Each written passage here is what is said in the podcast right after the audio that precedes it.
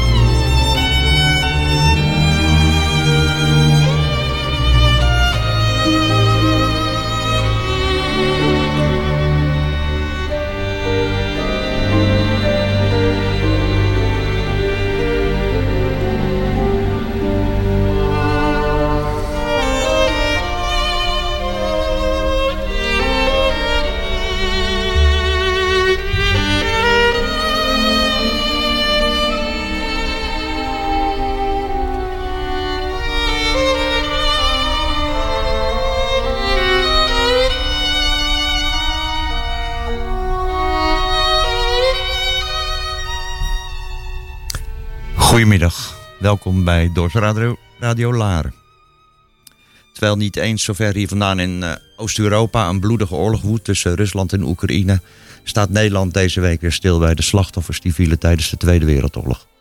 En we kennen het verhaal. Een agressor viel andere landen binnen, met alle gruwelijkheden tot gevolg. En de geschiedenis, het lijkt zich te herhalen. Over herdenken, maar ook over de parallellen en gevolgen, praten we het komend uur met twee gasten. Dat zouden er eigenlijk drie geweest zijn. Maar Mark Vos, de sterke grote man achter de werkgroep Oekraïne in Laren, heeft zich helaas uh, ziek moeten melden bij deze beterschap, Mark. Maar wij uh, ben erg verheugd met twee andere gasten aan tafel. Dat zijn uh, recht tegenover mij van, even kijken links naar rechts, Chris Bogaars, nou, bekende Laarder. Al heel lang actief in, in de broederschap Sint-Jan. een bewogen Partij van de Arbeid lid. Nou, waar heb je, ben je niet actief in geweest, Chris? De, de, de voetbalclub noem maar op. En, en, en veel mensen kennen jou en daarom zit je hier ook als, als vertegenwoordiger van het comité 4 en 5 mei. Maar ook als ceremoniemeester van de plaatselijke dodenherdenking. Rechts van, of links van jou en rechts van mij zit Richard Flipsen. Een, uh, iemand uh, met heel veel ervaring uh, over het onderwerp waar we het, waar we het komend uur over gaan hebben. Jij bent veteraan geweest. Uh, in dat ben ik nog steeds hoor. Ja, dat, Nou ja, je bent veteraan inderdaad. Okay. Ja, je was panteninfanterist in Libanon. En je, tegenwoordig hou je heel erg bezig met het scholenproject wat je zelf geïnitieerd hebt. Mede geïnitieerd. Ja. Mede geïnitieerd. Maar daar komen we zo wel over te praten. Zeker. Ja, zeker. Chris, om, om met jou te beginnen. we hebben de afgelopen jaren hebben we de dodenherdenking in Laren eigenlijk alleen op, op stream gezien. corona. Het was allemaal niks was mogelijk. En we konden via de camera konden we meekijken hoe jij en de burgemeester daar uh, toch probeerde om daar iets moois van te maken. Nu opeens kan alles weer. En word je toch weer met een andere werkelijkheid geconfronteerd. Ook als, ook, ook als comité. Ja. Hoe is dat? Um, we dachten natuurlijk begin van het jaar toen de pandemie zich opdreigt te lossen. Dat we eindelijk weer gewoon helemaal los konden in een heleboel opzichten. Uh, en natuurlijk zijn we met, waren we heel blij als 4-5 mei comité dat we het weer op de normale manier zouden kunnen doen. Uh, plaatsvinden. Ja, en dan zie je al heel langzaam begin dit jaar ontwikkelingen plaatsvinden in het oosten van Europa. En wat geresulteerd heeft, zoals je het net noemde, in een afschuwelijke inval. Met een heleboel gevolgen van dien. En ja, het brengt alles weer zo dichtbij. we zien beelden van compleet verwoeste steden. Een ontheemd volk op de vlucht voor het geweld. Uh, ja, en ik denk pas dat we dat betreft uh, aan het begin staan uh, van een hoop ellende. Ja, heeft dat voor jullie ook betekend dat je in, het, in de vooroverleg die je ongetwijfeld hebt gehad over, ja, over de herdenkingen van dit jaar, dat je daar aanpassingen in, in hebt moeten maken? Nou, niet zozeer uh, aanpassingen, maar wel natuurlijk met de gedachte dat er gewoon 2000 kilometer verderop een enorm oorlog uh, gaande is. Die ons weer terugbrengt naar 1940, 45. Uh, ja, en daar zijn wij als comité ons terdege van bewust. natuurlijk ook hè, met de stroom vluchtelingen die op gang gekomen is. Waarvan we er ook gelukkig een heleboel in Laren kunnen huisvesten. Het komt enorm dichtbij. En aan de andere kant, het komt heel dichtbij, maar je ziet ook dat hier het leven toch eigenlijk gewoon zijn gangetje gaat. We hebben net op een mooie manier Koningsdag gevierd. Ja, de terrassen zitten vol. De terrassen zitten vol. En terecht natuurlijk. Ja, Schiphol is afgeladen, want iedereen wil op vakantie uh, na twee jaar opgesloten te hebben. Uh, dat zijn vreemde dingen. Ja. Maar ja, als 4-5 mei-comité ja, zijn we toch enorm betrokken bij het gebeuren in Oekraïne. Omdat we enorm veel parallellen zien natuurlijk uh, met die tijd van toen. Ja, Richard, jij bent uh, de enige hier aan tafel die, uh, die van dichtbij heeft ondervonden wat, wat een oorlog betekent. Mm -hmm. je hebt je, om, misschien om even de luisteraars nog te herinneren, vorig jaar zat je hier ook aan het verhaal. Je was, je was 17 jaar en toen, ja. toen ben je in dienst gegaan. Ja, ja ja, toen kwam ik in dienst. En, uh, Eigenlijk een leeftijd dat je nog niet zomaar uh, mocht tekenen volgens mij. Dan had je toestemming Nou, dat sowieso. Ik was 17, dus minderjarig. Mijn ouders moesten meetekenen. Maar dat was, uh, het was 1979. Ehm, eigenlijk vlak na de inval van Israël in, in Libanon. vanwege een, een aanslag die de Palestijnen hadden gepleegd op een Israëlische bus. Waar 34, onder andere 34 kinderen bij om zijn gekomen. En eh, de Russen vielen toen, uh, of de Russen, hoe mij nou, de Israëli's vielen toen Libanon binnen. Kan je nagaan hoe het leeft? Ja, ja, ja. ja nou, kijk, weet je, er zijn, de, de aanleiding is natuurlijk uh, altijd wel divers, maar er zijn zeker parallellen te trekken. Hè. We hebben het, Chris zet net terecht, hè. Het, het, brengt wat er nu gebeurt heel veel terug. Met name voor oudere mensen uit die periode, die heb ik niet meegemaakt. Voor mij brengt het terug de dingen die ik heb gezien. Um, uh, dus het, de, de, de context waarin je zoiets plaatst is, is, uh, is voor, ieder individu, individu is, dat, is dat anders. Maar het gaat over dezelfde, dezelfde dingen. En om het verhaal even af te maken. Uh, ik wist bij niet wat ik, wat ik ging doen, wat ik moest doen. Uh, dat naar Libanon gaan voor zeker jongens van, van die leeftijd. het waren allemaal jonge jongens, allemaal dienstplichtige militairen. Die allemaal, althans over het algemeen, die ergens voor tekenden waarvan niemand wist wat het eigenlijk was. Nee. Achteraf want jij bent ook, net als al die jongens in die tijd, zeg niet allemaal, dat kan natuurlijk niet voor iedereen spreken. Mm -hmm. Maar de promotiefilmpjes uh, die er toen ook al waren, die waren uh, toch heel gelikt. Hè? Ja, we noemen dat zelfs toen al propaganda. Leuke, dus, uh, ja, ja, dat, dat, wil ik dan niet doen. Maar leuke jongens op het strand met een flesje bier in het hand. Nou, het was, het was, het was vanuit Defensie eigenlijk een half jaar op vakantie. Daar kwam het, dat gevoel werd wel gecreëerd. Ja. en dat, en zo, zo ga je ook weg. En op het moment dat je daar komt, en ik heb dat laatst ook weer bij de, binnen de schoolprojecten staan vertellen, bij de, bij de, op de Binkhorst, de leerlingen. Dan sta je, je stapt uit de vlieg. Ik vloog voor de eerste keer. Dus ik stapte het vliegtuig uit, sta op een vliegveld wat, waar allerlei kapotgeschoten voertuigen en vliegtuigen staan. Uh, tegenover een groep jongens die uh, verzand en verstoft en, en, en een beetje wezenloos voor zich uitstaan te staren. En, en wij vol adrenaline de schoten die om je heen hoorden van wat is hier aan de hand. sta, je, sta je naar een groep jongens te kijken die, die daar dus vandaan kwamen. En begot niet wetende wat je eigenlijk staat te wachten. Nee. dus iedere dag, met name in het begin, word je geconfronteerd met dingen die je in mijn tijd, hè, dus we praten over begin jaren tachtig ja, dat, dat wist je niet, dat kende je van televisie. En dat is zo onwerkelijk op het moment dat je er echt uh, middenin staat. Alsof je in een filmset staat. Waarom je, hè, waarbij je het idee krijgt van ja, wat, wat, gebeurt hier eigenlijk? Wat is er aan de hand? Ja. Achteraf, als je dan ook nog eens weet dat wij in een gebied kwamen. Um, waar wij als Nederlanders helemaal niet geliefd waren.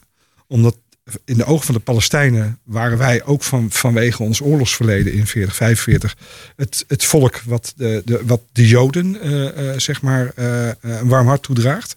Dat moet je tegen Palestijnen natuurlijk niet zeggen, zeker niet in die situatie daar. Maar voor de Israëliërs waren wij dat volkje, nou, ja, als je, als je boe zegt, rennen ze weg. He, dus wij, wij zaten daar in een soort van situatie waarin we door beide strijdende partijen niet serieus werden genomen. En werden wij geacht die partijen uit elkaar te houden. Ja, ja met, met die wetenschap, ook met die mm -hmm. kennis die jij, die jij natuurlijk uh, zelf hebt ondervonden daar. Mm -hmm. Hoe kijk jij naar het journaal? Waarschijnlijk anders dan ik. Ja, ik, dat weet ik niet. We zien allebei hetzelfde. Uh, maar de context waarin ik dat plaats is misschien wat anders zie, dan... Ik, heb het nooit meegemaakt in die zin. Mm -hmm. als we het hebben over de periode waarin, ja. waar, waar, we straks over gaan herdenken. Ja, ja. Die heb ik van verhalen. En dat zijn vaak ook gekleurde verhalen. Ja. Uh, en alles wat daarna is gebeurd. En wat ik nu zie is, is vaak abstract. Ja. Ik zie oorlog, ik zie een flatgebouw in één keer wat geen flatgebouw meer is. Ja. Maar jij weet, hè, je hebt aan de lijve ondervonden wat dat met je kan doen ook. Ja, ja zeker. En dus ook met de mensen die daar wonen. Ja, nou ja, je ziet, je ziet dat mensen angstig zijn. En je wordt zelf op een bepaald moment word je ook angstig. Je ziet sommige dingen wel. En, en andere dingen zie je, zie je niet. Of je, je ziet het in een totaal ander perspectief. En wat ik zie op de journaals nu, uh, als ik er überhaupt naar kijk, want in het begin ben je geïnteresseerd, maar ik kijk niet iedere dag. Uh, omdat dat, dat, ja, weet je, ik, ik, begrijp wel wat er gebeurt. Uh, maar, maar als je dat voor de eerste keer ziet, dan, dan stap ik in mijn geval dus terug in die periode waarin ik zelf in Libanon zat, in zo'n situatie. En maak ik de associatie met de mensen zoals die daar toen leefden. Die, die waren A, blij dat wij er waren. Dat was even een andere situatie. Want dit, dit, je kijkt naar beelden van een land in oorlog, waarvan een, een, een volk eigenlijk, uh, waarvan uh, de, de een probeert de ander volledig weg te vagen. Onder het doel uh, van er vindt genocide plaats en, en, en, en we moeten daar zuiveringen doen of wat dan ook. ten opzichte van een periode waarin ik in een land kwam, waarin wij echt als een politiemacht, een vredesmacht, mm -hmm. de partijen uit elkaar moesten halen. En dus dat is weer een stap verder. Dan denk ik van, hoe, ja, de, de, vraag die ik maar steeds stel, van wanneer komt het moment dat, dat uh, de VN besluit dat dit dusdanig serieus is dat er echt wordt ingegrepen? daar zit ik op. Zo kijk ik naar het journaal van wanneer, tot hoe ver laten we dit doorgaan. Ja, hoe zit het bij jou, Chris? Want ik, ken jou als iemand met een eh, grote sociale bewogenheid. Eh, jij kijkt ook naar het journaal. Je bent op een gegeven moment eh, eh, in het eh, comité eh, 4 5 mei terechtgekomen. En dat is niet zomaar. Dus jij kijkt met een bepaalde, bepaalde blik naar de wereld. En naar de samenleving om je heen. Ook hier in het dorp. Ja, natuurlijk, maar ik kijk in eerste instantie nu even naar de wereld. Ehm, wat ik een hele mooie uitspraak vond, die ik een paar dagen geleden hoorde. Een actrice die als ambassadrice in Kiev was geweest. En die zei van nu voel ik wat ik gezien heb. Angelina Jolie of Ja, zo. klopt. En dat is precies wat, wat Richard net even aangaf. Pas als je echt gewoon gezien hebt wat het teweeg brengt, eh, dat dan die emotie nog harder be- eh, binnenkomt.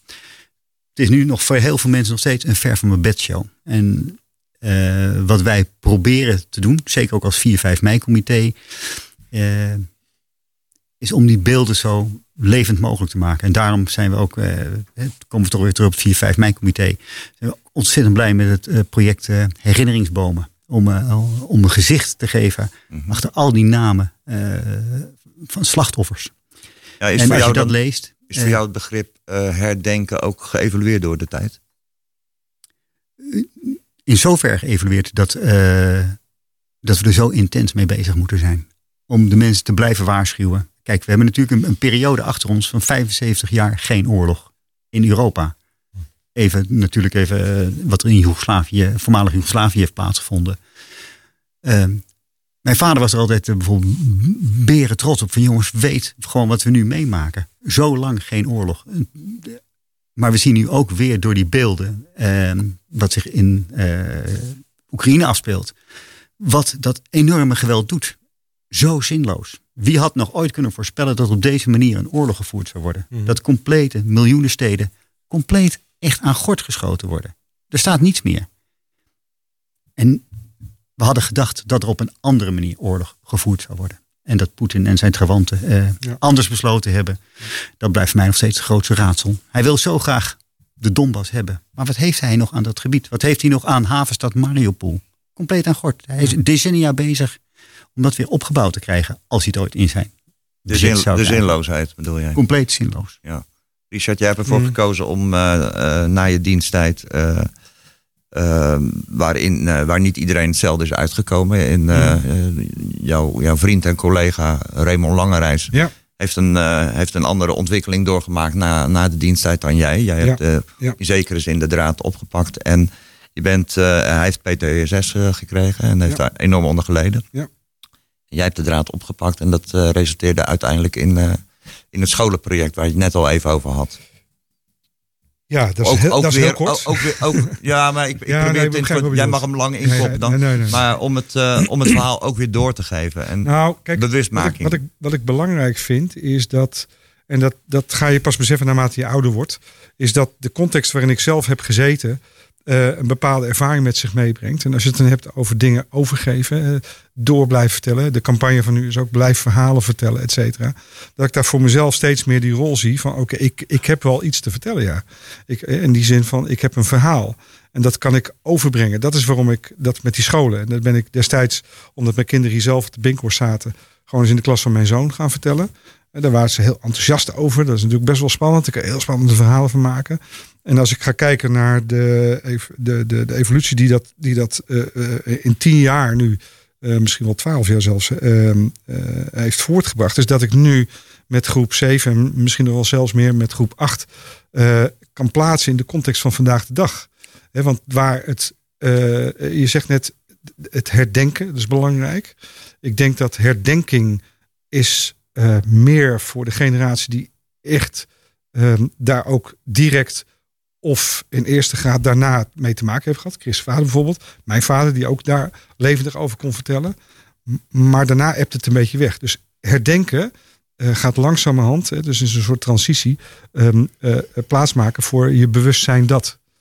En als je dan kijkt naar de huidige periode, dan denk ik dat ik met de kinderen uit zo'n groep 7, met name ook groep 8, ehm, situaties kan schetsen die voor hun ineens herkenbaar zijn in het tijdbeeld van vandaag de dag. Of wat ze alleen wat ze gezien hebben. wat op zich best een cynische eh, situatie is natuurlijk. Nou ja, dat, Ja, ja Want- ik ga zeker niet zeggen dat, dat, dat, dat ik daar met blij mee ben. Eh, absoluut niet. Hè? Eh, Nee, maar wat voor, het kind- aangeeft is voor dat... deze kinderen was natuurlijk een situatie, als je het over de Tweede Wereldoorlog, die was natuurlijk volstrekt abstract. Dat Nee, kenden ze niet, want ze zijn in vrijheid geboren. Nee, natuurlijk niet hetzelfde als dat wij verhalen te horen kregen over de 80-jarige oorlog. En Exact. de slag bij Waterloo en Napoleon. Dat je denkt, ja, het zal best. eh, Nou, eh, heel veel mensen die daar gestaan hebben. En als je daar staat, is het indrukwekkend. Maar nog kan je daar geen beeld beschetsen. Dat beeld wordt vandaag de dag helaas, helaas, eh, wel weer geschetst door die kinderen. En ze maken nu ook mee, hier, ook hier in Laren, dat er mensen uit die gebieden komen. Die, die kunnen ze zien, die kunnen ze aanraken, bij wijze van spreken. Waardoor dat wat wij herdenken noemen, voor hun bewustwording aan het worden is. Ja. D- dat zie ik gebeuren. Hè, Er gaat heel veel om in die koppies. De vragen zijn ook anders van vandaag de dag. Eh, Chris, hoe is dat bij volwassenen? In, eh, jij kent heel veel mensen in het dorp. Je hebt eh, de afgelopen jaren was je al de ceremoniemeester. Hier is de betrokkenheid bij de, bij, zeg maar, de plaatselijke dodenherdenking is altijd heel groot. Ja, en dat vind ik ook gewoon heel erg mooi. Maar ook dat komt inderdaad voort eh, uit eh, het, het feit dat ze het meegemaakt hebben, meegekregen hebben van hun ouders. Ehm, dat bewustzijn is wel heel erg groot. Maar wat ik vaak zie, eh, even van korte duur. Want het leven Het leven wordt gaat weer door. Het leven gaat weer gewoon door. En dat, dat moet ook. Maar ik denk dat we nog met elkaar nog meer moeten opstaan. En ook bereid moeten zijn om offers te brengen. Om ervoor te zorgen dat de situatie in Oekraïne eh, normaliseert. En dat betekent dat we gewoon veel hardere maatregelen nog zullen moeten nemen tegen Rusland. Om ze langzaam op de knieën te krijgen. In de hoop dat daar het geweld gaat stoppen. En dat het zich niet verder uitbreidt. Als Poetin hier zijn zin krijgt, dan is denk ik de ellende niet verder te overzien. Nee, dat is een hele politieke eh, uitleg. Maar hoe zou je dat in het klein binnen het dorp aan, eh, aan, aan, aan, mensen hier vertellen? Eh, nou, nou, wat ik hoop, en dat proberen we ook met het burgerinitiatief, onze bevolking heel erg bij, bij dat project te betrekken. En mensen laten inzien dat het ontzettend noodzakelijk is om deze mensen op te vangen. Hoe groot de problemen ook in Nederland zijn. Want natuurlijk horen we alweer de geluiden van de woningnood en we kunnen geen huis krijgen. Maar deze mensen, ze kunnen momenteel gewoon niet anders. En dat geldt niet alleen voor de mensen uit Oekraïne, maar dat geldt natuurlijk ook voor onze wereldburgers eh, eh, uit Syrië en dergelijke. Ja, we gaan zo even over het burgerinitiatief hebben, na de muziek. Ja. Eh, Mark had dat zeker graag gedaan, maar dat mag, jij kan daar ook heel veel over vertellen.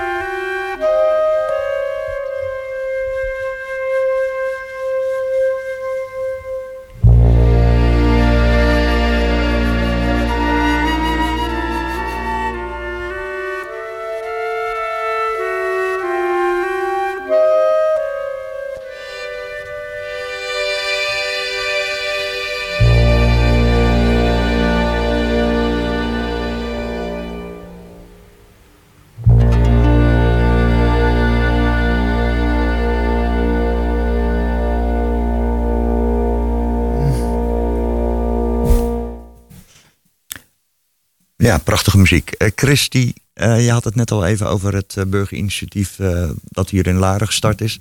En dat heeft natuurlijk alles te maken met de verschrikking waar we dagelijks over horen.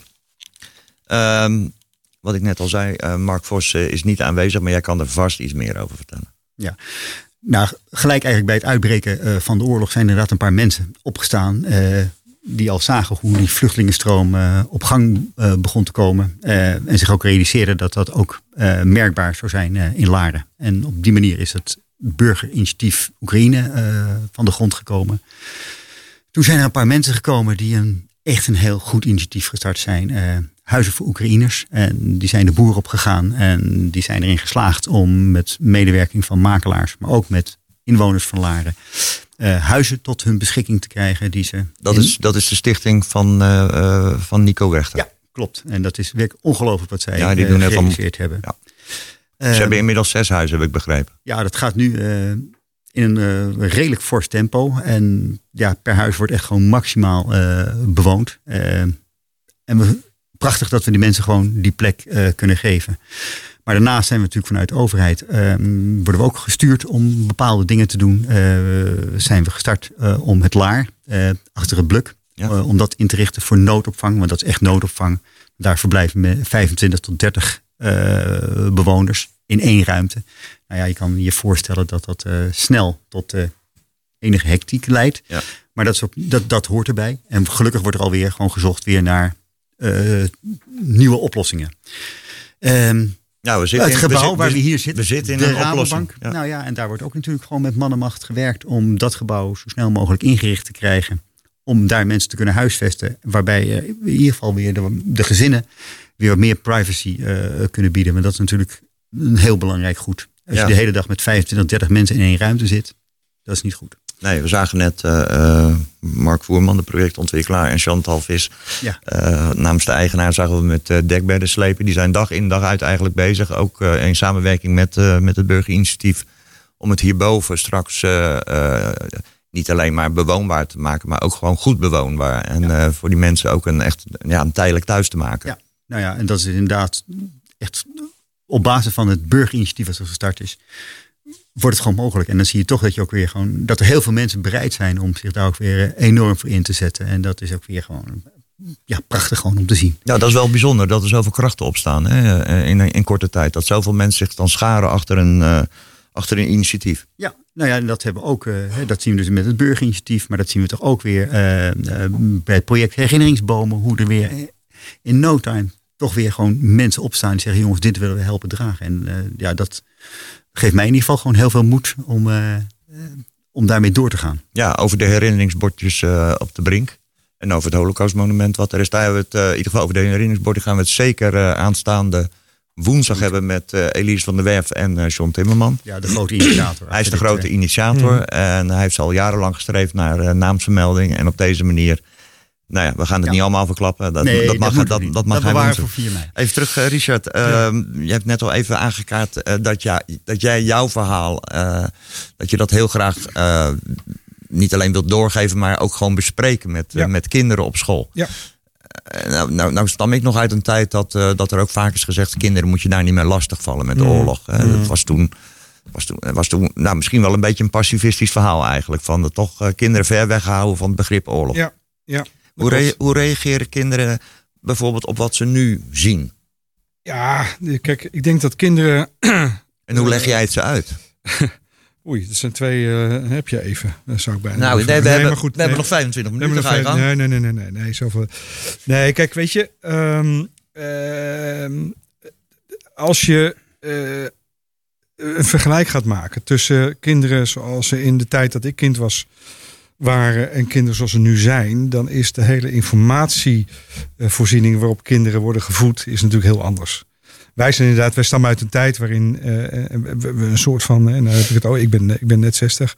Um, dus de jaren 70, jaren 80 was een beetje pacifistisch, was een beetje, ja. we hielden ons van alles weg. We kwamen uit een periode waarin de Nederlands al niet goed, uh, goed op de kaart waren gekomen als we ergens ons mee gingen bemoeien.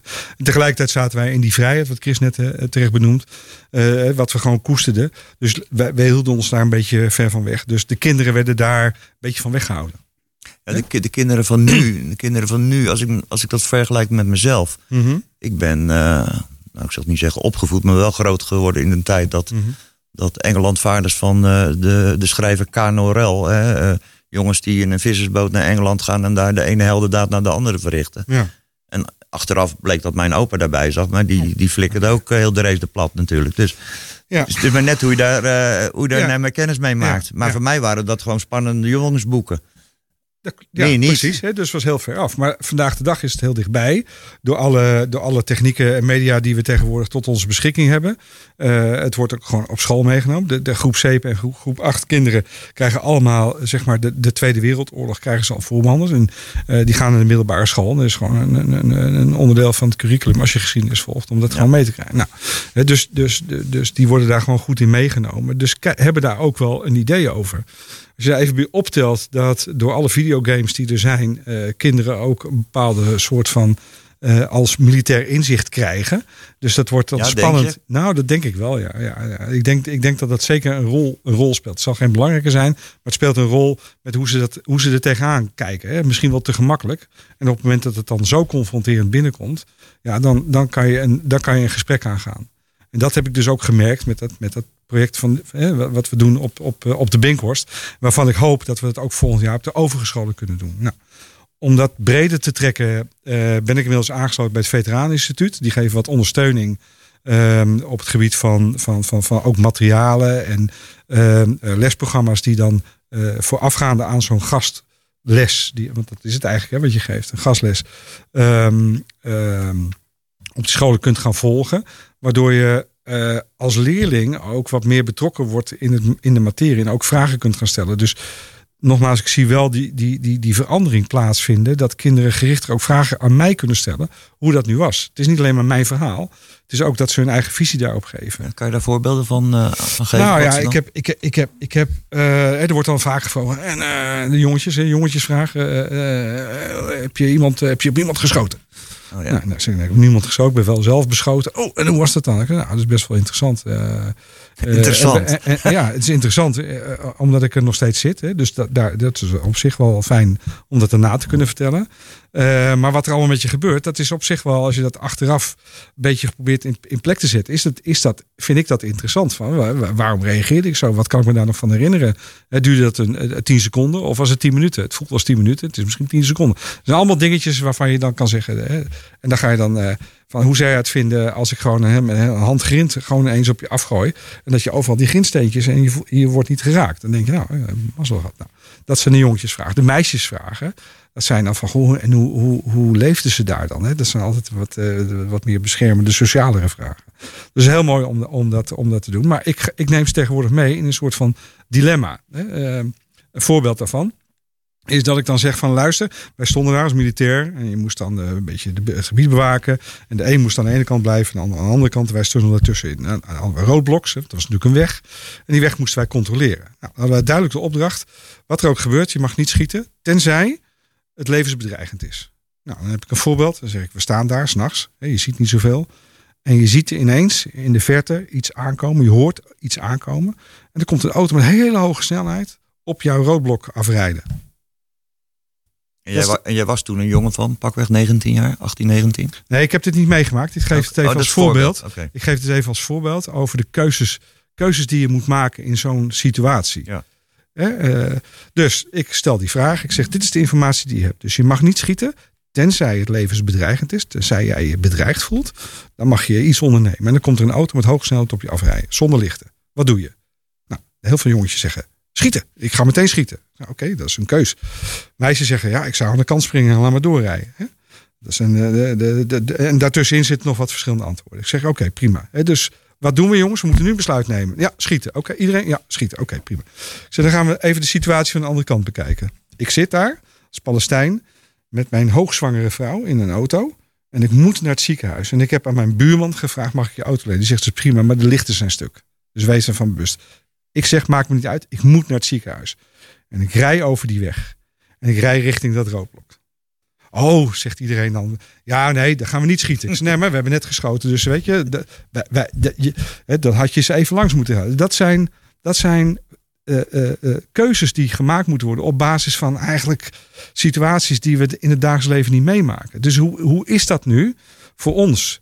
Moet ik ergens naartoe vluchten of moet ik blijven zitten? Hè?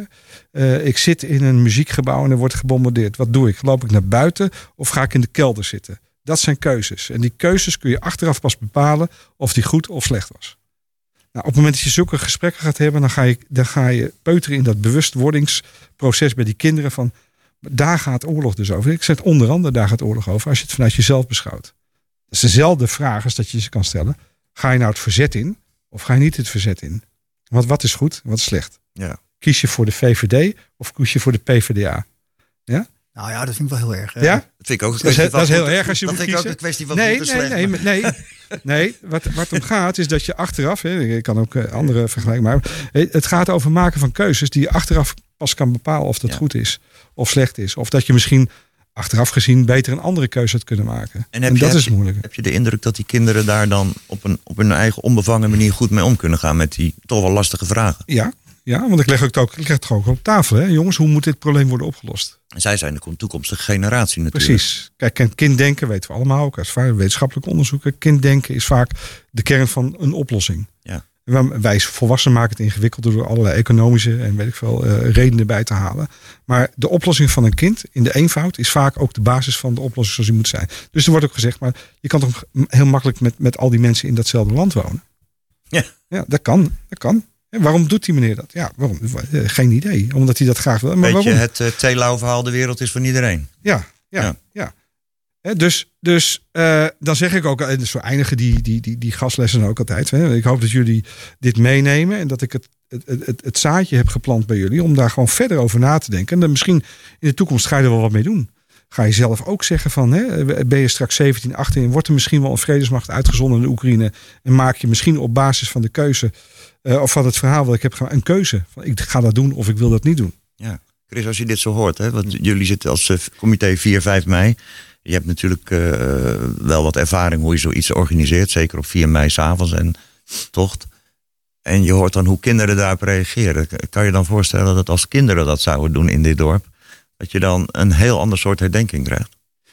Dan ga je inderdaad een hele andere herdenking krijgen. Maar wat ik heel frappant vind aan de woorden die Richard zegt. Uh, we willen mensen bewust laten worden wat er gebeurt.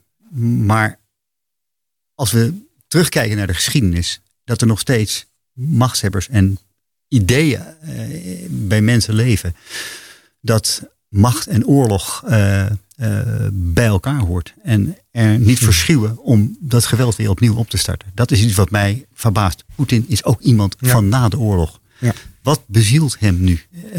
wat, is, wat heeft zijn bewustzijn zo ver gebracht dat hij dacht van dit moet ik doen? En hoeveel ruimte is er dan nog? Want we hebben het natuurlijk nu inderdaad heel vaak over Poetin, Oekraïne, Rusland en het conflict.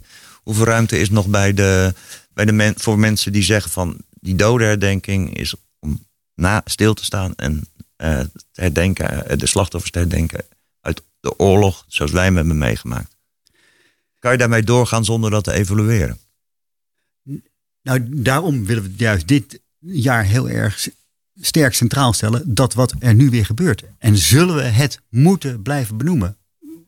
We moeten dit niet, dus aanhalingstekens, gewoon gaan vinden. Dit mag gewoon niet. Alleen helaas zijn er ontwikkelingen gaande uh, in het Kremlin uh, die het tegenovergestelde bewijzen. Zeker. Maar als we niets zouden laten horen, uh, niet zouden doen, niet zouden herdenken, nou, dan zou de ellende nog groter zijn. En dan krijgen we nooit meer een situatie waar we inderdaad ook misschien met trots kunnen zeggen.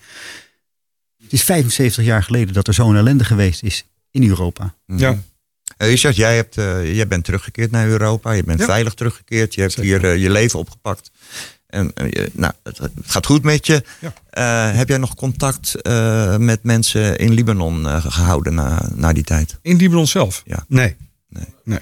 Ik kan me zo voorstellen dat nee. die mensen, uh, want wij hebben het nu over herdenken, ja. die mensen die, die, die blijven altijd in een, in een kwetsbare situatie leven. Daar. Nou ja, kijk, als je, de, de, de, deze situatie, uh, het is nog steeds uh, een klerenzooi daar. Hè? Dat, ja. Dus die, die, die zijn van de, van de drup in de regen beland, van de regen in de drup beland, hoe je het zeggen wilt.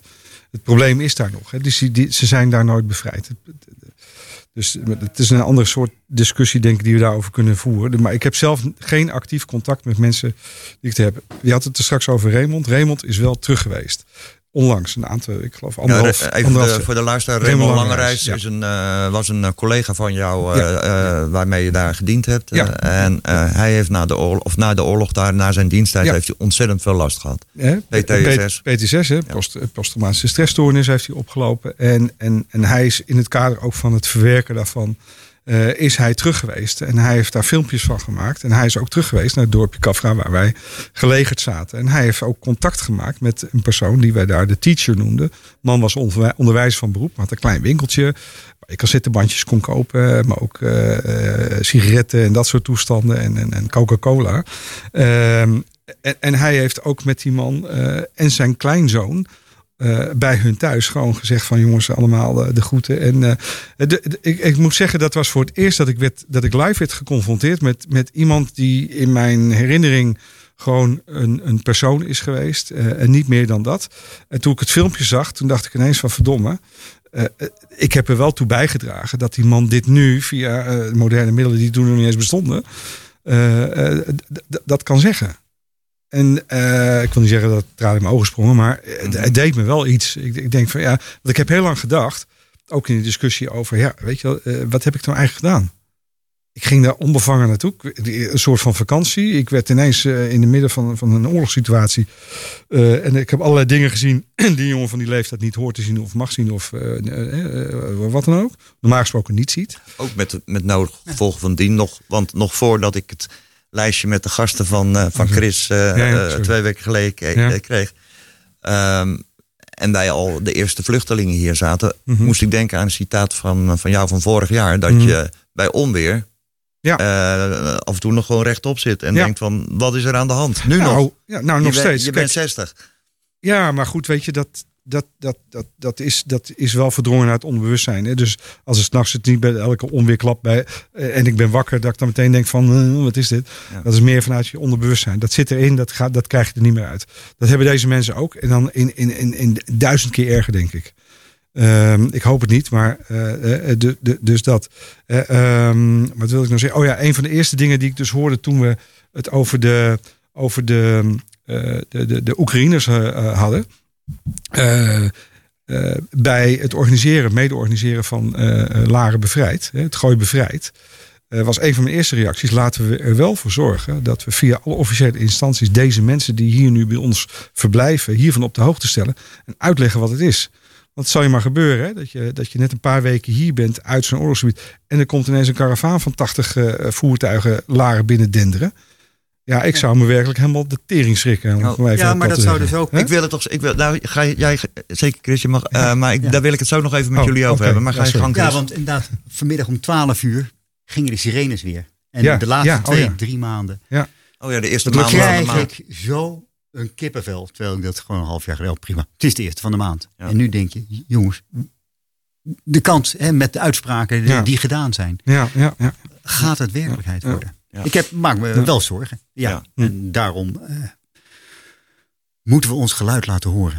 Richard Kaart Ja. het al aan. Deze is echt voor, voor jullie allebei. Ehm, herdenken doen wij in Nederland. ehm, nou, eigenlijk al heel lang. Volgens een, zeg maar, ik noemde het net tegen jou, een soort nationale liturgie. Dat gaat volgens een bepaald patroon. Twee Ja. minuten stilte. Hmm. Eh, we weten allemaal precies waar we kunnen kijken. De Waalsdorpervlakte, de Dam en in onze eigen gemeenschappen.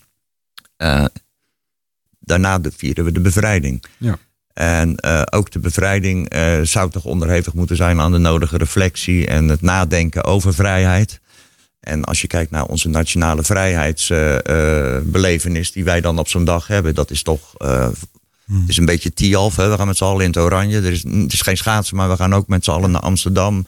Door de grachten eh, zie je de sloepen gaan waar eh, de vlieger van Hazes eh, komt. Ja.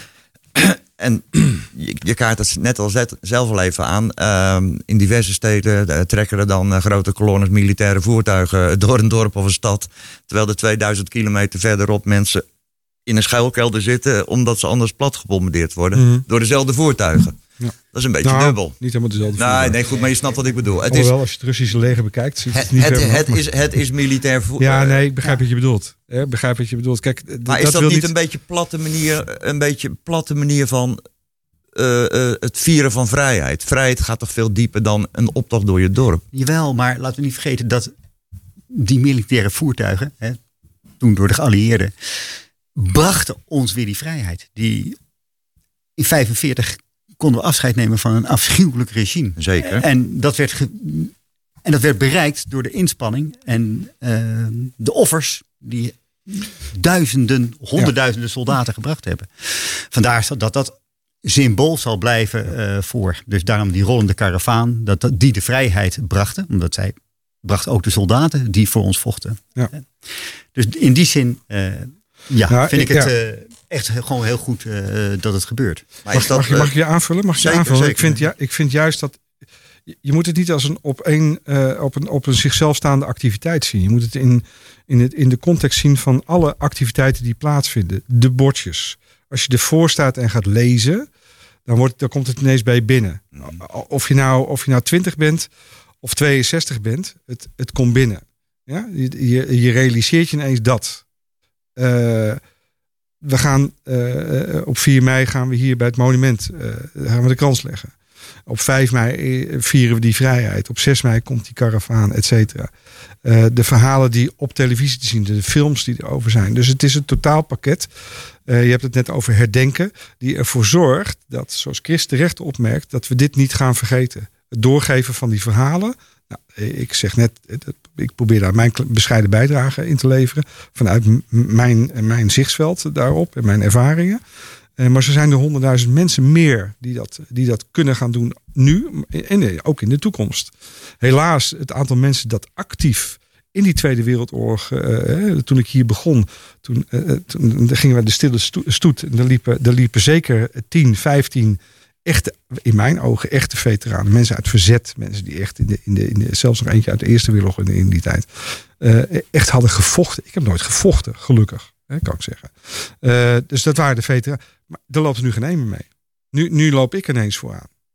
Hè, En, en ik hoop dat straks, dat over een jaar of twintig, er weer een nieuwe generatie is die dat, die dat door kan geven.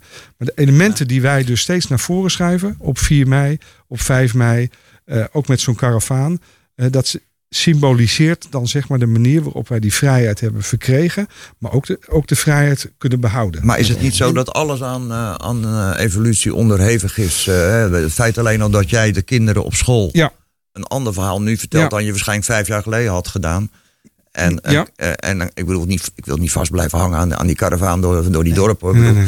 Maar het is natuurlijk een beetje symboliek die alleen nog maar door eh, mensen van 70 jaar straks te begrijpen is. Want die kleintjes die hebben geen idee wie die Canadezen waren. eh, die eh, eh, geven hem de binnenreden. Nee, Ja. oké, maar daarom moeten we dus inderdaad volgen. Het wordt een beetje folklore. Ja, Nou ja, maar ook ja. met de communicatiemiddelen die we vandaag hebben. En Ja. wat, wat we ook aangeven. Er wordt natuurlijk gewoon gedurende deze periode enorm veel aandacht gegeven. Middels documentaires en dergelijke. En die worden ook goed naar kinderen vertaald.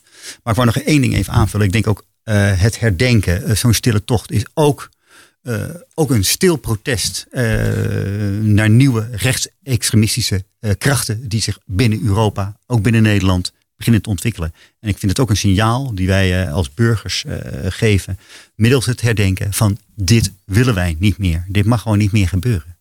We moeten die rechtsextremistische kant die dat geweld propageert en, en niet voor terugdeinst om, eh, om toegepast te krijgen, eh, daar moeten we een halt toeroepen. En ik vind herdenken daar een, eh, Nou een ja, rol in spelen. extremisme in het algemeen denk ik dan. Want Ja, zeker. ik, denk dat Klopt, we denken eh, helemaal nee, niet een over goede politiek moet gaan. Goeie nee, kijk, als je mij nu op de man afvraagt, doen we dit over 200 jaar nog? Dan denk ik, denk, denk wel dat we iets doen, maar in een andere vorm. Ja, omdat ook Richard Flipsen niet weet dat er over twintig jaar weer ergens een conflict is. En dat weet ik ook niet. Precies. Want wij, dat is- wij, wij- nee. wisten natuurlijk ook niet dat dit zou gebeuren. Nee, maar je vraagt me net, hè, van, hè, of je, je, je zegt net, en dat heb ik ook zitten vertellen, wat is dan mijn rol in dit geheel? Dat is om te zorgen dat het stukje overdracht plaatsvindt vanuit mijn ervaring. En dat is alweer eh meer dan 45 jaar geleden. Ja. En zo, en, maar die ervaringen die blijven doorbestaan. En je zegt, we zeggen met het verhaal laat dit nooit gebeuren, wetende dat we dat ook niet tegen kunnen houden. Maar zolang je mensen blijft meenemen in dat verhaal en het dus niet eh, een soort van gemeengoed gaat maken van ja, als je het niet met elkaar eens bent, dan, eh, dan val je maar ergens binnen. Of, eh, want het gaat natuurlijk veel verder dan dat. Als jij Als ik, jongen- het, als je, ik geef het voorbeeld op schoolpleinen. Ik stap zelfs zo'n klas binnen. Eh, 7A en 7B. Ik zeg, ik hoor, ik kom net bij 7A vandaan. Jullie zijn nog een drukke groep, hè? Oh ja, nee, dat zijn zij hoor. Ik zeg, nou, dan ben ik dus verkeerd geïnformeerd. Jongens, dit is wel de kern op basis waarvan er nu oorlog is in de Oekraïne. Dat is informatie, informatie, informatie, desinformatie, misinformatie. Nou, noem het allemaal maar op. Zo begint het meestal. Ik als- vertel iets over jou. En als jij die overdracht eh, eh, als jong kind had gehad, zeg maar zoals jij hem nu zelf geeft, had je dan eh, gevoeliger geweest of kritischer geweest en kritischer gekeken naar alle promotiefilmpjes?